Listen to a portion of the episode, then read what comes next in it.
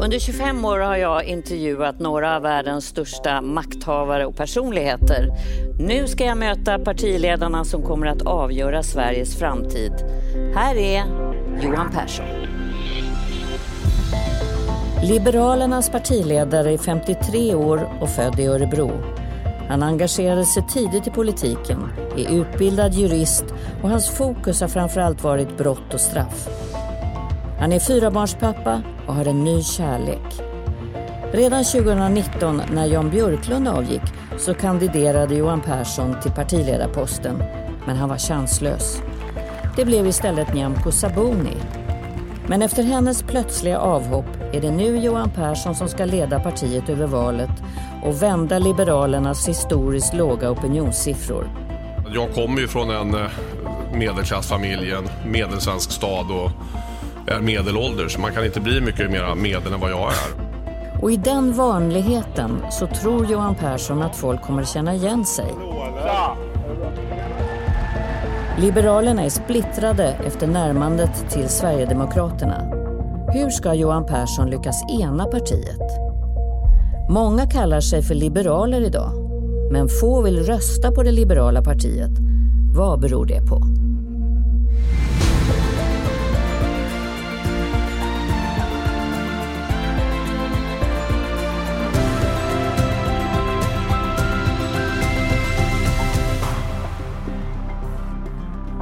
Välkommen hit, Johan Persson. Tackar. Den yngsta av partiledarna. Får man Ja, säga. Antalet tjänstetid i alla fall. av tjänstetid. Eh, vad är den största missuppfattningen om dig? Eh, Ja, det är väl att eh, man som politiker ska vara eh, lite stel och ja, eventuellt tråkig och lite som en maskin. Jag, jag är motsatsen. Jag menar, det, är, det är ju ingen missuppfattning då, utan det är ju mer en förväntan. Men om man missuppfattar dig, vad är det då? Ja, men man kan väl missuppfatta mig eventuellt för att jag företräder eh, Liberalerna och att man hela tiden skulle eh, så att säga vara, eh, ja, bara, eh, bara vara eh, borgerlig ibland är ju liksom en väldigt eh, vanlig fråga att man alltid har pratar om skatter eller jobb eller ordning och reda och så. Det är ju klart att jag är ju jag är ju liberal och jag är borgerlig men vi har ju i Liberalerna ett starkt eh, socialt patos också. Och det liberala ska vi återkomma till, för det är ju den ideologi som eh, du företräder och representerar och det har du varit sedan du var liten, höll jag på att säga. För du har varit eh, verkligen med i partiet väldigt, väldigt länge. Men innan dess så undrar jag, den 8 april så eh, i alla fall för omvärlden så kom det plötsligt ett besked att dåvarande partiledaren Nyamko Sabuni bestämdes för att avgå. Och frågan kom till dig. Hur mycket visste du om det? Jag visste inte så mycket om det. Eh, Jag fick eh, precis i närtid innan detta eh, beskedet från Nyamko och jag Vad är närtid då? Ja, men det, är- ja, det får Nyamko Sabuni själv berätta någon dag. Men, men det var, i den veckan så förstod jag att det var fler eh, som, som började fråga mig saker. Så att då var det en annan diskussion som hade inletts. Men det var en överraskning. Ja, nej, min, min bedömning var att det projekt som eh, Nyamko Sabuni förtjänstfullt inledde med att eh, se till att vi tog ett tydligt eh, beslut för att eh, gå till val på en liberal borgerlig regering för ett maktskifte eh, och att vi kunde att vi kan samtala och göra upp i sakpolitiskt med alla partier. Det, det projektet eh, bedömde jag att eh, hon skulle orka och vilja hålla i men, men hon kom fram till ett annat beslut, att hon inte kände att det fungerade tydligen. Vad minns du från den här dagen då, 8 april? Jag minns ju att det var ju snöstorm och snökaos i hela Sverige. Var du i Eh, Örebro då? Där du Jag var i Örebro så det var ju ute och skotta så man kom ut med bilen och sen ta sig till Stockholm och sen så tillträdde jag. Så att säga. Var det här en dröm som blev verklighet? För du hade ju kandiderat samtidigt som Nyamko Sabuni. Ja. ja, nej men inte... Det var ju ingen dröm utan jag, jag kandiderade ju fullt medveten om de förutsättningar som var 2019. Eh, Jag gjorde ju det för att eh, ja, partiet ville dels ha flera kandidater, vi ville ha en öppen och ja, eh, transparent process när vi skulle utse en ny partiledare. Det hade man gjort i flera partier innan. Eh, och då tyckte eh, valberedningen att så skulle vi ha det och eh, jag sa att ja, absolut, jag kan vara partiledare. Jag tycker att jag har mycket att bidra med. Men visste också om att förutsättningarna och att stödet framförallt var fokuserat på två andra kandidater. Mm. Du, för du och Nyamko Sabuni var ju väldigt överens. Ni, gick, ni samarbetade ju väldigt tätt. Och partiet hade, har under den tiden som hon har varit där så hade ni sjunkande siffror. Vad blir skillnaden tror du med dig då? Jag för ju in ett perspektiv som jag inledde med att det här, jag är tydligt borgerlig men vi har ett starkt socialt patos och ett eh, perspektiv som jag vill förstärka att eh, livet är orättvist. Man föds inte med en silversked i munnen. Det är väldigt få som gör det faktiskt. Utan det är annat som bygger upp eh, möjligheter. Så att det perspektivet är med. Plus att jag har varit tydlig med att jag vill se skolreformer som eh, är helt nödvändiga för, eh, för friskolorna i Sverige.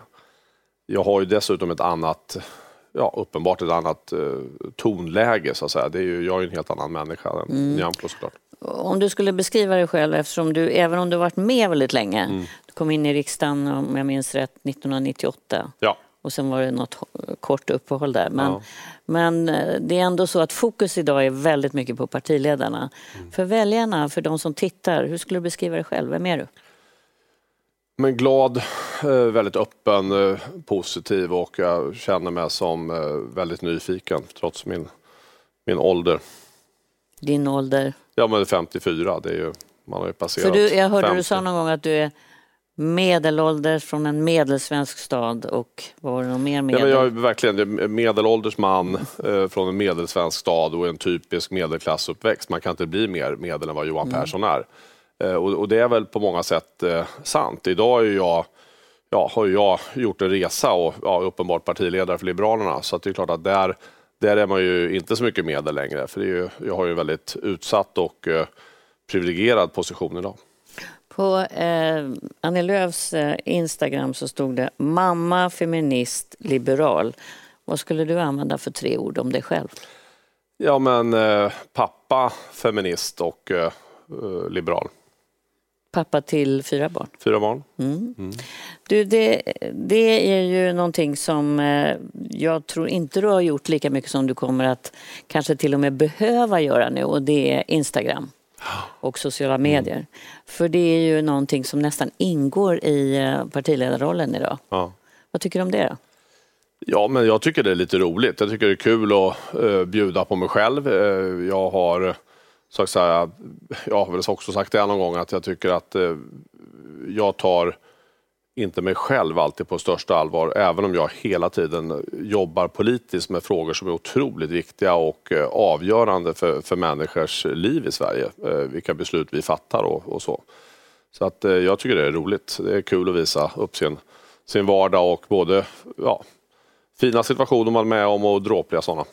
För att du är ju känd för att du tycker om att skoja. Ja.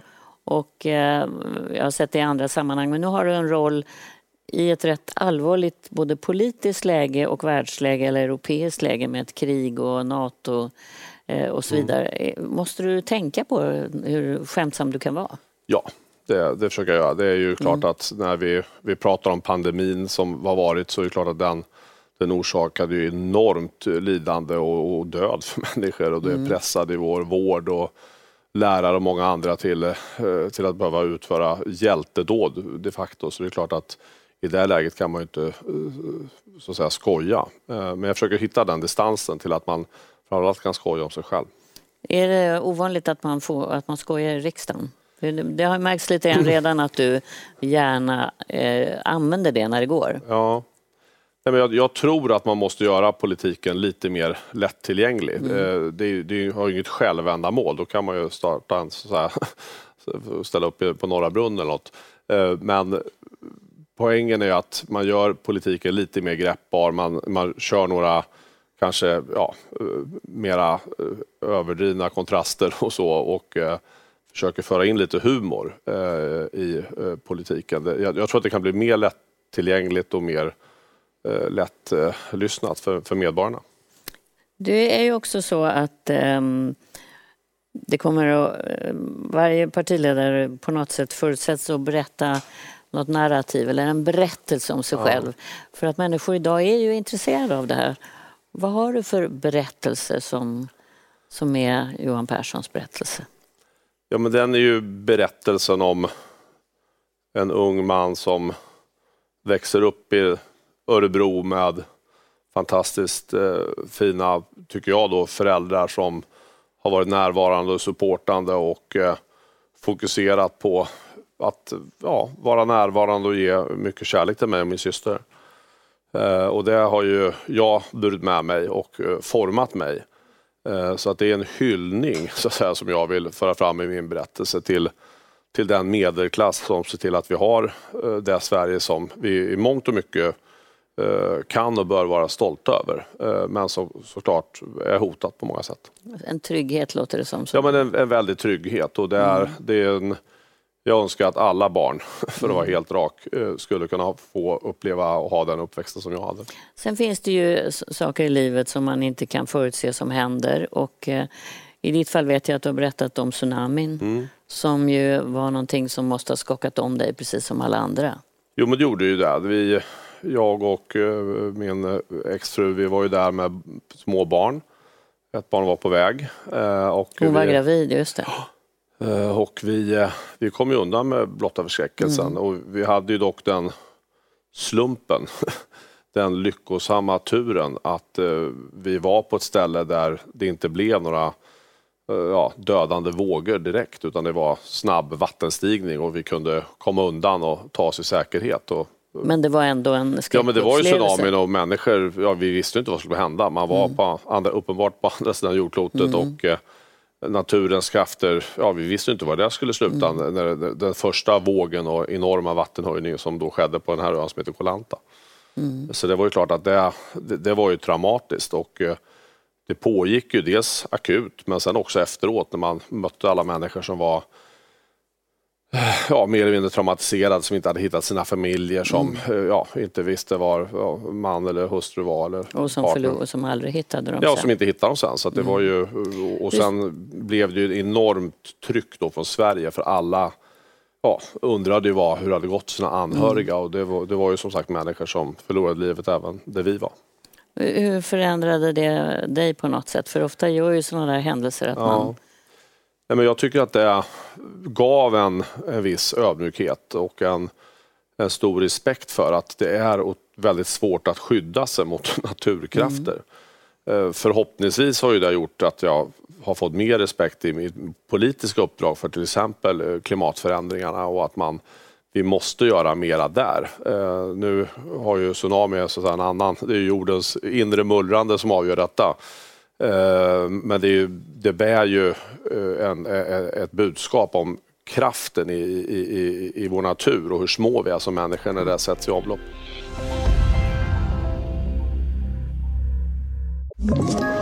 Ett poddtips från Podplay. I podden Något Kaiko garanterar östgötarna Brutti och jag, Davva, dig en stor dos skratt.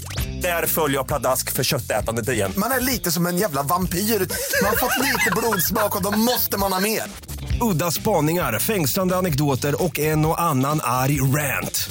Jag måste ha mitt kaffe på morgonen för annars är jag ingen trevlig människa. Då är du ingen trevlig människa, punkt. Något kajko, hör du på podplay. Därför är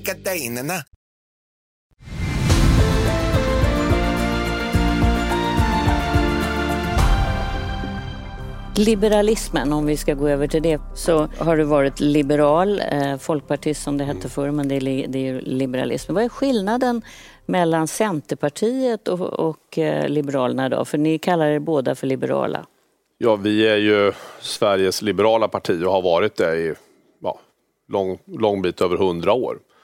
Eh, och jag är ju glad att andra partier har sökt sig mot eh, liberalismen som ideologi, det vill säga att man ska utgå från att uppdraget är att ge frihet eh, till människor. Att vi som individer ska kunna forma och ha makten över våra egna liv.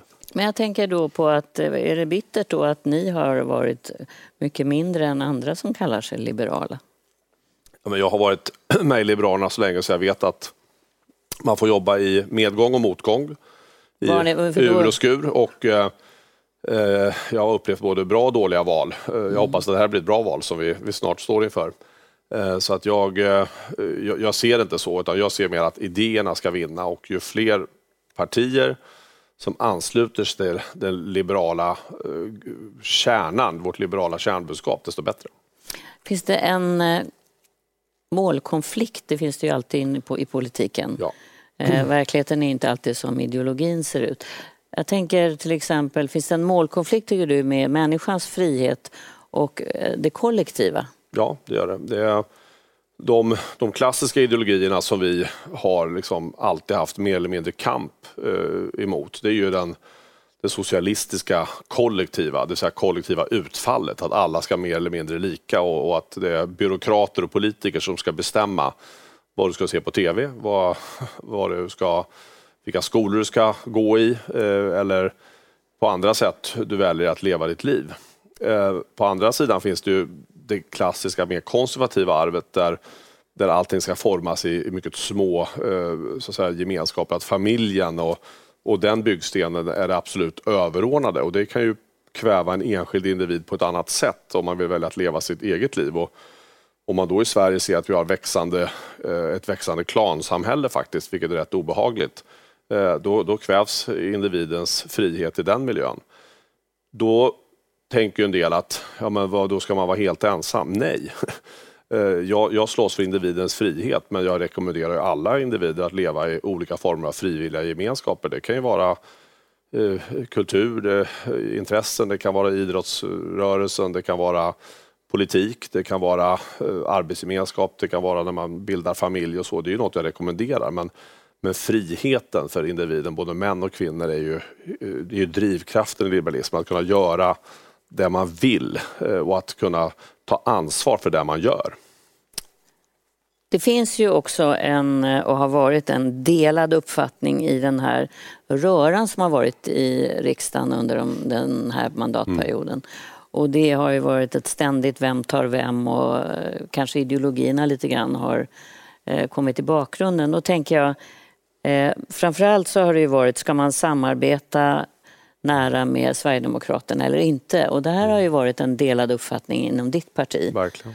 Vad, vad går den röda linjen för dig som man brukar prata om, som du inte korsar när det gäller att samarbeta med Sverigedemokraterna? Ja, men vi har ju hundra år haft röda linjer mot alla partier och alla samarbeten och regeringar Liberalerna ingått i. Det har ju handlat om att stå upp för yttrandefrihet, stå upp för ett oberoende rättsväsende, fri kultur, eh, stå upp för eh, inte minst jämställdhet. Det kommer vi fortsätta att göra. Så att det är ju det är ju inget konstigt. Eh, den röda linje som vi, vi tydligt har och gett besked om till, till medborgarna tidigt inför valet, det val vi nu står inför, det är ju att vi, vi inte ser att Sverigedemokraterna eller för den delen Vänsterpartiet ska kunna ingå i någon regering.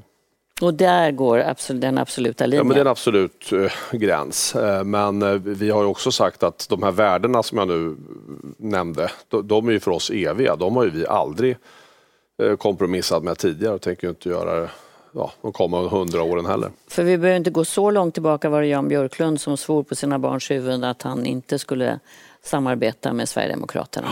Och nu så sitter du här och även Nyamko Sabuni innan mm. dig eh, och gör det.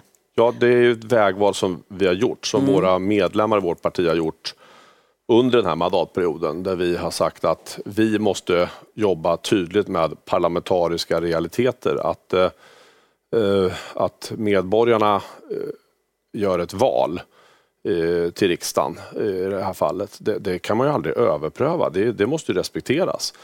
Det betyder ju inte att när jag samtalar med Vänsterpartiet, Sverigedemokraterna eller något annat parti det innebär ju inte att jag på något sätt ger upp min ideologiska position eller de värderingar som har burit mig i politiken i alla år eller alla medlemmarna i Liberalerna. Utan det innebär att vi i sak samtalar om vissa eh, frågor eh, som är nödvändiga att förändra Sverige på. Det kan gälla energipolitik eller skola eller brottsbekämpning och så där vi måste ta steg framåt för att öka friheten. Men eh, då tänker jag att det kan ju hända att Sverigedemokraterna växer, blir större än Moderaterna och kräver att eh, vara med i regeringen eh, därför att de blir största partiet. Vad gör ni då? Ja, vi släpper inte fram någon sån regering. Det är, Fast ni är mycket mindre. Ja, vi släpper inte fram någon sån regering Nej. och jag vill säga att hela idén med mitt politiska arbete det är ju att eh, bemöta dem och eh, försöka eh, motverka de samhällsproblem som är ganska allvarliga som gör eh, att eh, partier med mer extrema budskap på eh, politikens ytterkanter kan locka till sig starkt väljarstöd. Om vi då i mitten, om vi som bekänner oss till liberalismen inte lyckas möta de samhällsproblem som vi ser med relevanta åtgärder, det är klart att då, då kommer ju människor fortsätta att rösta på partier som har, kanske som jag tycker, väl enkla lösningar. Jag tänkte vi skulle återkomma igen till vad det är som särskiljer eh, Liberalerna från andra partier eftersom det är det som lite grann ideologi mm. går ut på. Um, men i din nya situation som på många sätt är utsatt så tänker jag att det är viktigt att ha ett stöd. Och eh, det har du. Sen ganska nyligen så har du träffat en kvinna. Ja, det är ju tre år sedan nu så mm. att, eh, men det går fort när man är förälskad. Och det är du? Ja, mycket. Och vi ska få träffa henne lite senare. Det ska bli väldigt spännande att spegla dig genom en helt annan person.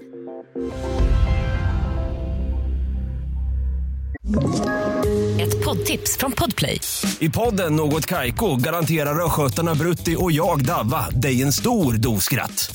Där följer jag pladask för köttätandet igen. Man är lite som en jävla vampyr. Man har fått lite blodsmak och då måste man ha mer. Udda spaningar, fängslande anekdoter och en och annan arg rant. Jag måste ha mitt kaffe på morgonen för annars är jag ingen trevlig människa. Då är du ingen trevlig människa, punkt. Något kajko, hör du på podplay. Därför är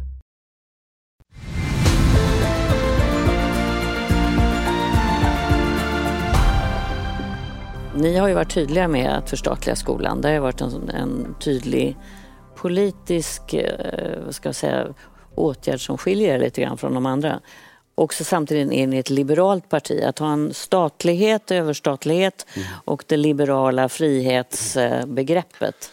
Alltså det är ju den att vi tror ju att eh, staten bättre kan, kan sköta den pedagogiska utvecklingen, ledningen och vara en bättre arbetsgivare så att säga, och, och, och i praktiken arbetsgivare för, eh, för lärarkåren. Eh, och vi hade det så i Sverige tills eh, ja, man, man valde att kommunicera skolan. Och det är klart att vi vill ju se då att ja, friskolor ska kunna finnas. Det kan ju både vara ett företag men det är också stiftelser och ekonomiska föreningar. Det är ju en stor andel av dem som är friskolor idag som bedrivs på det sättet. Ehm, de, har ju naturligtvis ett ansvar men vi får en likadan skolpeng. Man, ger exakt lika till alla elever oavsett om man bor i Dorotea eller i Eslöv så att säga. Hur ska man reglera så att det inte blir... För det har varit en stor kritik från många håll med mm. vinster i välfärden som hamnar skattepengar som hamnar i skatteparadis. Ja, och då vill jag börja först med det faktum att vi har 290 olika huvudmän för skolan idag och det skapar en enorm brist på likvärdighet genom vårt vackra land. Eh, och därför så är att återta det statliga ansvaret för skolan är ju viktigt. Vi, vi ser också att det finns eh, oseriösa aktörer och har funnits här och där. Då vill vi reglera detta i en friskolelag. Det ska vara omöjligt att ta ut överskott eller vinst om man har misskött sig. Man ska ha tydliga krav på eh, hur länge man ska ha verkat innan det ska vara möjligt. Det ska vara tydliga krav på eh, nivån på lärare, elevhälsa, eh, bibliotek och så vidare. Och finns det ett tak för de som sköter sig att ta ut vinster också? Ja, alltså det, om man sätter de här, tydliggör de parametrar som jag tycker är viktigt och som jag nu nämnde, då, då blir det svårare. Det blir helt omöjligt att göra några enkla och snabba klipp. Men att långsiktigt investera i pedagogisk utveckling och en bra skola eh, som vi möjliggör för alla att välja, det, det, det, tror jag bidrar till kvaliteten på lång sikt. Men skola och, och skolpolitik är svårt, för i grunden så eh, är det inte vilken skola du går på utan det är innehållet oavsett om det är kommunal eller friskola. Är det, har man problem med ordning och stök, har man elever som kanske inte knappt kan svenska när de kommer till första klass, har man, har man brist på eh, tillräckligt många kvalificerade lärare, brist på eh, speciallärare, för få särskilda undervisningsgrupper, då är det svårt att bedriva undervisning om, om, eleverna har det jobbigt. Jag vill ändå återkomma till att de här liberala idéerna som omfamnas nu av fler och du tycker mm. är positivt. Ja. Varför är ni inte större som parti? Vad har ni gjort för fel? Ja, vi... Vi har väl varit under den här mandatperioden eh, ja, otydliga. Vi, vi gick ju till val på en ny borgerlig regering.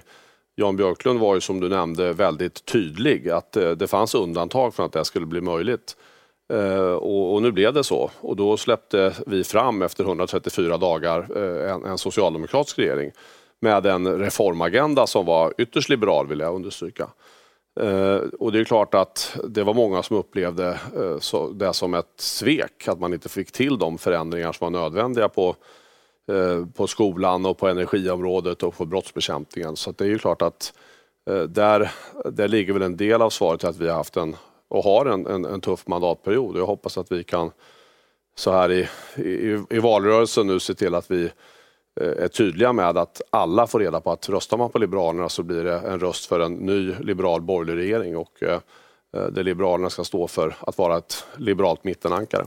Och vad har ni då för förhållande till Annie Lööf och Centerpartiet som en gång ingick i den här alliansen som gjorde att det var möjligt att bilda regering? Ja, ja men det är, jag har ett gott förhållande till Centerpartiet. Jag tycker de står för mycket värderingar om långsiktighet och att man ska sköta sig och man ska, man ska helt enkelt få skörda där man sår. Eh, och, och, det tycker jag är bra, men, men de har gjort ett annat vägval eh, vad det gäller att eh, inte förhålla sig och kunna prata med alla partier i Sveriges riksdag. Och det, jag har respekt för deras val, men det, det är inte Liberalernas val. Har, du har ju varit med så länge i riksdagen och förhållandet till Sverigedemokraterna har ju förändrats. Eh, det var ju ett parti och personer som ingick i partiet som eh, många vände ryggen, mm. inte pratade, men inte tog i hand. De eh, fick sitta, i Måkusson och beskrivit hur man fick sitta mm. ensamma och fika och så. Var du en av dem som betedde Nej, så? Jag, så fort de kom in eh, 2010 så dök diskussionen upp från vissa andra partier att de inte skulle få ingå i utskottssamarbetet och att vi skulle, ja, där riksdagsärenden bereds innan de kommer till kammaren och vi röstar och det, det blir lag eller budget. Eh, det var ju klart att det, är ju, det var ju för mig helt främmande. Jag har från första dagen eh, försvarat deras rätt eh, att fullt ut arbeta parlamentariskt. Det, jag kan så att säga eh, göra hur mycket som helst för att motverka de politiska idéer som de har som är, ja, inte Liberalernas. Kan men, du säga vad du, in, vad du tar avstånd ifrån? Nej, men jag tycker synen på att både politiska partier till höger och vänster tenderar ibland att vilja använda kulturen som ett instrument för att styra samhället. Det tycker jag är direkt olämpligt. Och vad är, vad är, hur skulle du kunna... Ja, men det är att ge, man ska styra politiska, ekonomiska stöd och viss konst ska inte få visas och så. Det tycker jag är eh, ja, häpnadsväckande konstigt. Eller att man ska ge sig in och eh, ja, ha synpunkter på hur domstolar eventuellt skulle döma. Det, är ju, det har man ju sett i, i andra länder. Det kanske inte de här partierna har gjort. Och, och synen på eh, människor från andra länder ibland är ju är häpnadsväckande såklart. Internationellt samarbete, det är ju, det är ju vi liberaler som i, under lång tid har drivit på för både Europasamarbetet och NATO-samarbetet och då har ju ja, partierna längst upp på ytterkanterna varit emot detta. Men att man ska få fullt tillträde och eh, behandlas som en jämbördig part i, i, i riksdagen. Det betyder ju inte att man måste eh, så att säga, göra upp, men i den politiska miljö vi har idag så vill jag återkomma till att eh, de, de partier som är i riksdagen och får ett starkt stöd de får ju det för att vi andra partier inte har löst de samhällsproblem som uppenbart eh, oroar medborgarna och eh, jag förstår medborgarna i den delen att de är oroade. Så att det, det är lite grann så att när Sverigedemokraterna kom in i, i riksdagen och i politiken så har andra partier vaknat upp och börjat förflytta sig? Ja, men jag tycker att till exempel på det här integrationsområdet, vi, mm. vi drev ju valrörelsen för exakt 20 år sedan att man skulle lära sig svenska för att bli medborgare. Språktest. Mm. Det är en häpnadsväckande självklar, tycker jag, åsikt att välkommen till Sverige, här pratar vi svenska, här arbetar vi, sköter oss. Det, fick, det mötte ju ett herrans liv, milt uttryckt. Ni blev kallade rasister. Exakt, men hade vi genomfört vår integrationspolitik eh, från och med 2002 då hade kanske inte eh, politiska ytterkanterna haft den eh, rollen och den storleken som de har idag. Om du eh, då fick komma till makten, bli statsminister och det blev ett... Ja, det låter bra. Ja, Det tycker alla som jag ställt den här Ja, frågan till. Vad skulle du se för samhälle då framför dig om du fick drömma? Det blev liberalt samhälle eller en liberal politik? Ja, men det skulle vara ett samhälle som präglades av ett mått av eh, trygghet och tillit som jag tycker saknas idag. Eh, det har delvis varit så i Sverige. Ibland så ges det ju väldigt eh, ja, så förskönade bilder av hur Sverige såg ut på 50 och 60-talet. Det fanns sociala problem då, då också. Men, men den grova kriminalitet som nu eh, förstör livet för inte minst unga människor och släcker drömmar och ja, de släcker uppenbart liv eh, också. Eh, Det är klart att det skapar en otrygghet i samhället som gör att de- starka kan ta, tillvara sig rätt medan de redan mest utsatta eh, har det ju tuffast. Eh, Så att där tycker jag att vi måste få till ett samhälle där ja, staten kan upprätthålla hålla våldsmonopolet och, och grova kriminella de får inte verka så länge innan de hamnar i fängelse och ja, gärna rehabiliteras. Det här är det är- ena. Och sen tycker jag att det är skolan. Eh, Vi måste se till att fler unga människor på olika sätt klarar sig igenom skolan. För det har ju visat sig att eh, går man ut ett praktiskt gymnasium eller ett teoretiskt gymnasium med godkända betyg ja då är det väldigt sällan som de liven eh, eh som kommer från där eh, att, de, att, att det går dåligt. Det kan ju vara att man drabbas av livets olyckor ändå. Det kan vara naturkatastrofer, det kan vara bilolyckor. Men människor då har egen makt och kan forma sina egna liv. Och det är ju liksom hela den ideologiska drömmen för mig att alla ska ha den möjligheten. Och det här när jag har suttit med er partiledare säger ju, alla är ju relativt överens om problembeskrivningen. Ja. Är det så att det här är så svåra problem som har uppstått idag att man måste lösa dem över partigränserna? Inte bara se block som ska stå mot varandra utan det här krävs krafttag över de parlamentariska gränserna. Ja, jag vill ju gärna ha bred eh, enighet, eh, så att säga. men det kan ju inte vara ett självändamål om det blir fel i sak. Eh, och det gäller ju, tycker jag, att möta integrationsutmaningen eh, eller vi liberaler har ju kallat det Marshallplan och förortslyft och alla möjliga saker för att det krävs enorma investeringar av social karaktär i skolan, i socialtjänsten och inte minst det sista för att kunna gripa in tidigt och tydligt eh, så att unga människor får en konsekvens redan vid första brottet kanske, eh, framförallt vid andra brottet. Eh, och inte bara eh, polisiära åtgärder med fler, dessutom åklagare och, och domare och kriminalvård. Eh, så där tycker jag det vore bra eh, om vi pekar ut en gemensam inriktning. Men det kommer krävas också sociala eh, investeringar de kommande åren som är avgörande för att på lång sikt minska utanförskapet och ja, bekämpa brottslighet.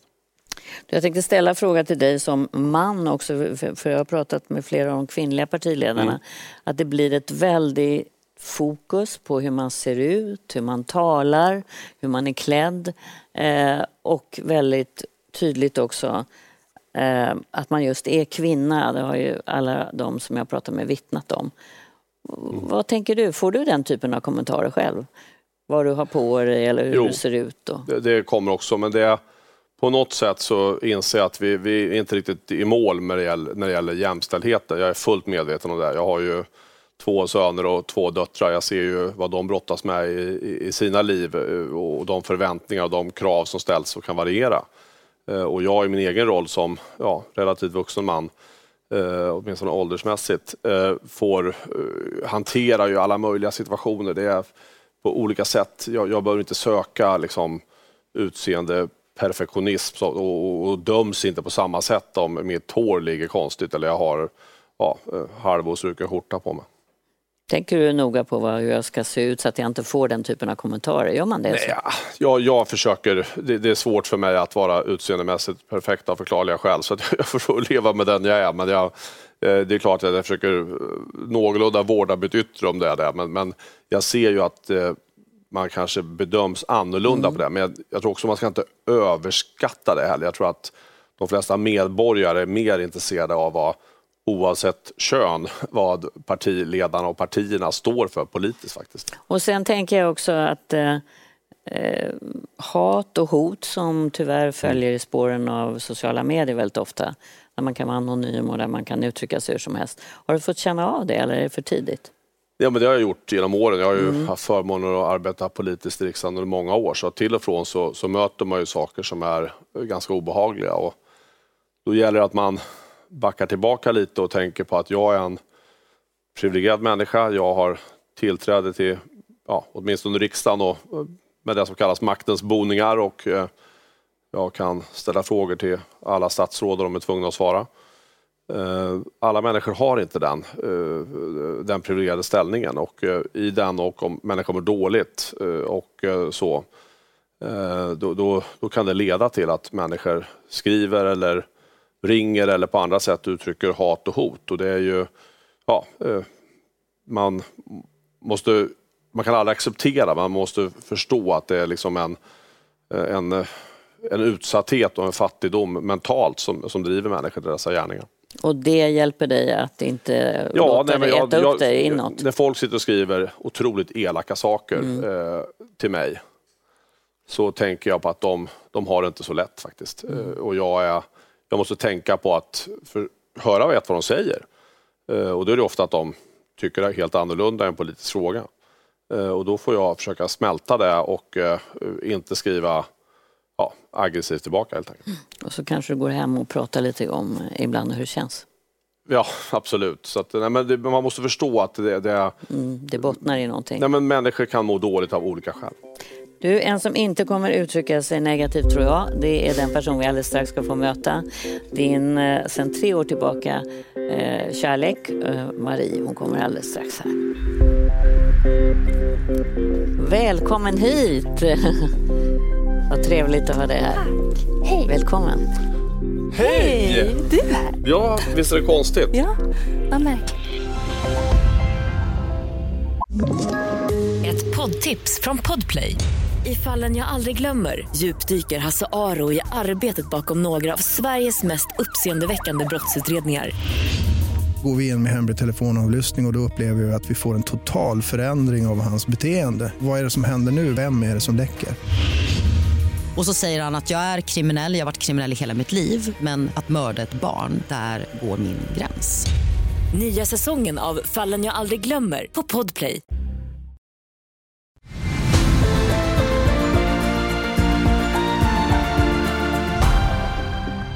Välkommen. Tack. Marie Brodin mm.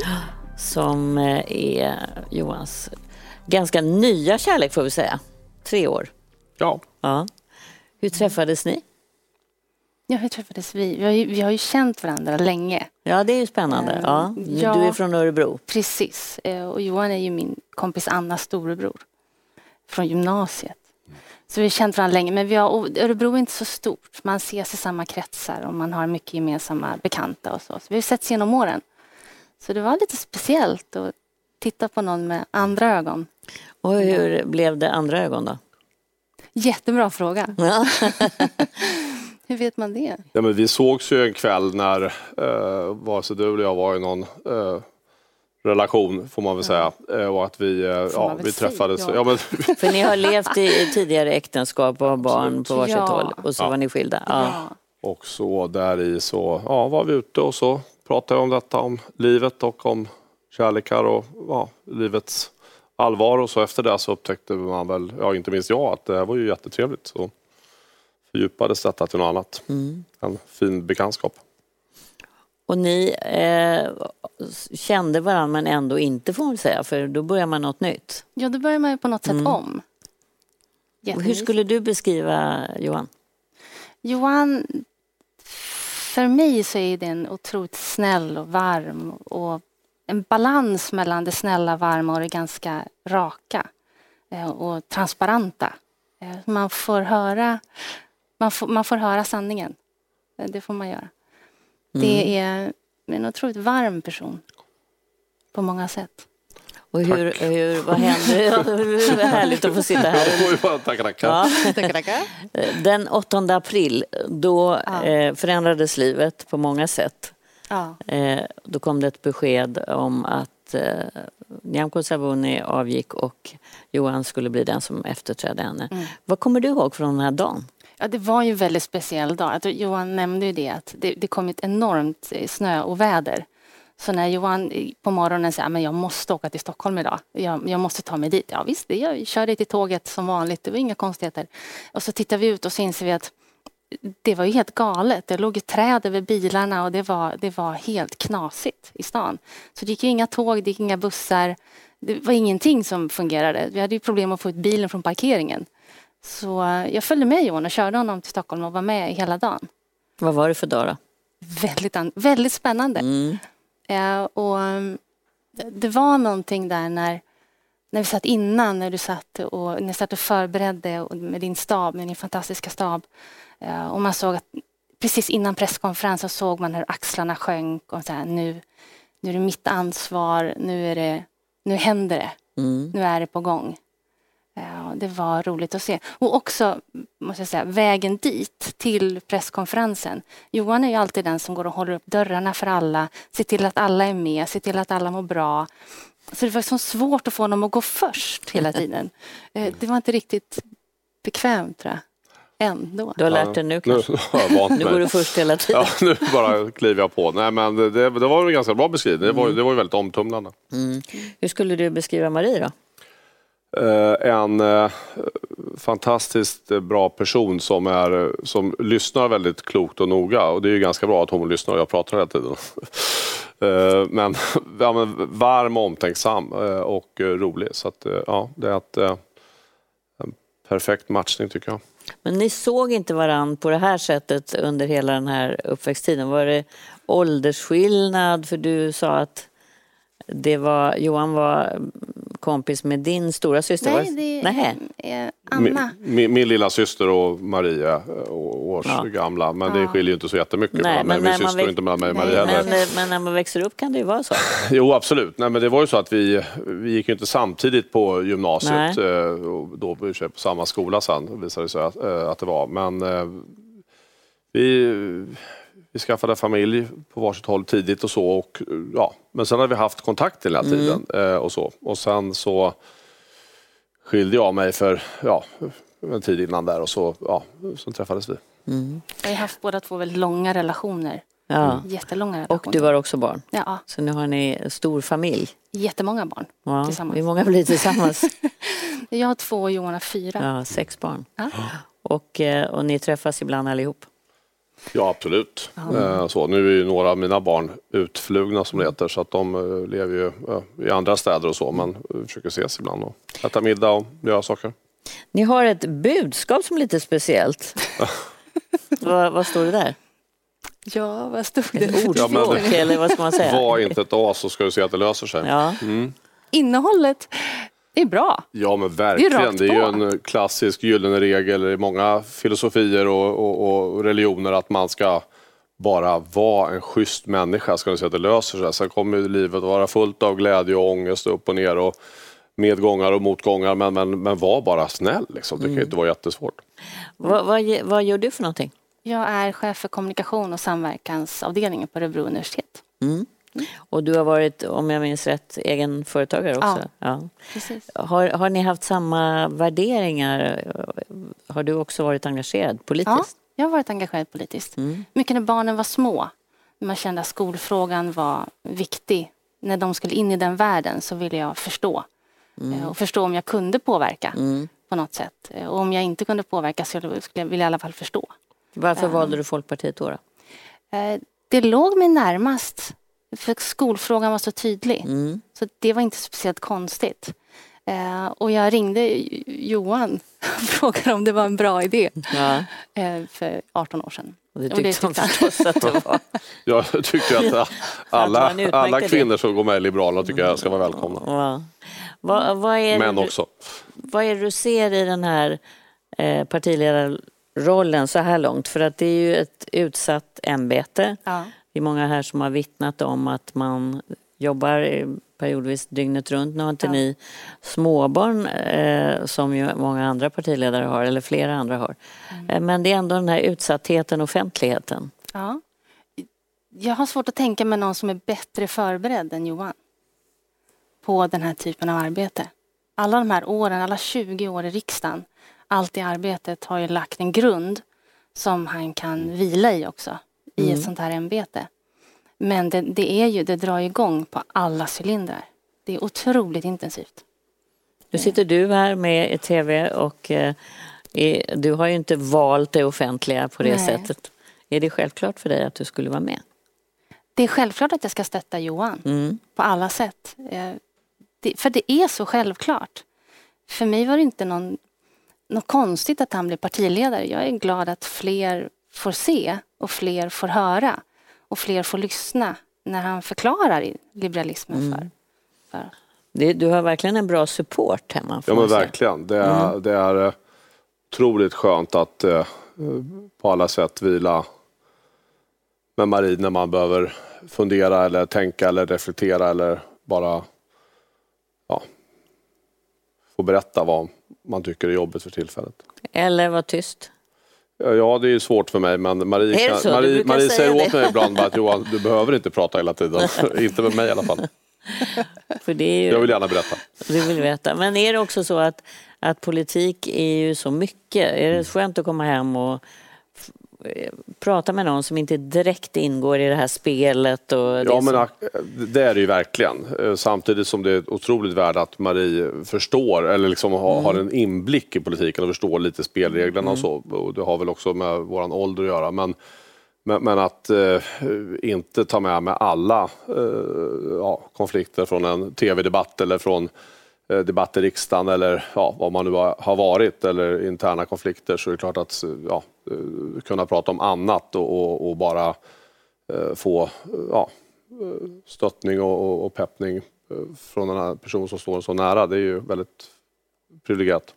Nu är det inte så länge sedan ni träffades, tre år är Mm. ganska kort tid. Men bor ni tillsammans?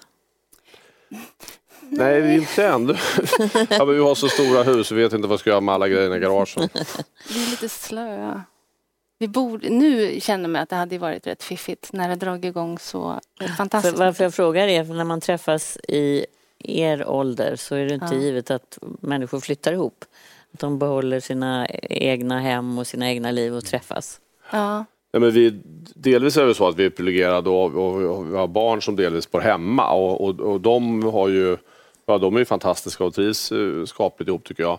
Eh, men, men de har ju inte bett om några liksom bonussyskon och, så, och sådär. Så att vi, vi har inte behövt göra det. Men i praktiken så bor ju jag rätt mycket hemma hos Marie och hon eh, rätt ofta hemma hos mig. Så, Mm, så det kanske blir så i framtiden. absolut.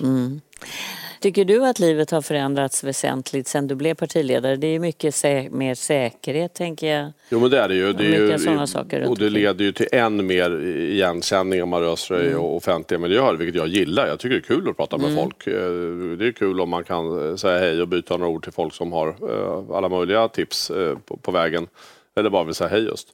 Eh, Men det är också så att nu är det i sånt extremt tempo så det Mm. är klart att det är ju eh, när jag eh, tillträdde i, april då drog ju praktiken rätt mycket av val, valarbetet och, och, och, och valrörelsen igång. Så kan man ju inte leva som det har varit nu i, i alla de här månaderna och nu är det ju val snart. Men, men det är klart att efter det så måste man hitta ett annat tempo. Eller så blir det tvärtom ännu mer att göra. Det är ju ett äventyr. Jag är väl glad att vi är i 50-årsåldern båda två så Mm. vi förstår att det här är, det är ett äventyr som händer nu. Det här är klart att det här kommer inte pågå i all evighet. Nu jobbar du i den akademiska världen, Ja. men eh, blir du sugen på att gå in i politiken igen när du känner vinddraget här från valrörelsen? Ja, Nej, kanske inte. Ja, nej. det räcker om en utav oss är ja. där och snurrar. Du kan följa det på väldigt nära håll. Ja, det gör jag ju. Onekligen. Hörrni, vad trevligt att ni kom hit. Eh, tack för att du framförallt ville komma och du förstås. Men Tack. det var väldigt roligt att få spegla dig genom dig Marie. Tack. Tack så mycket.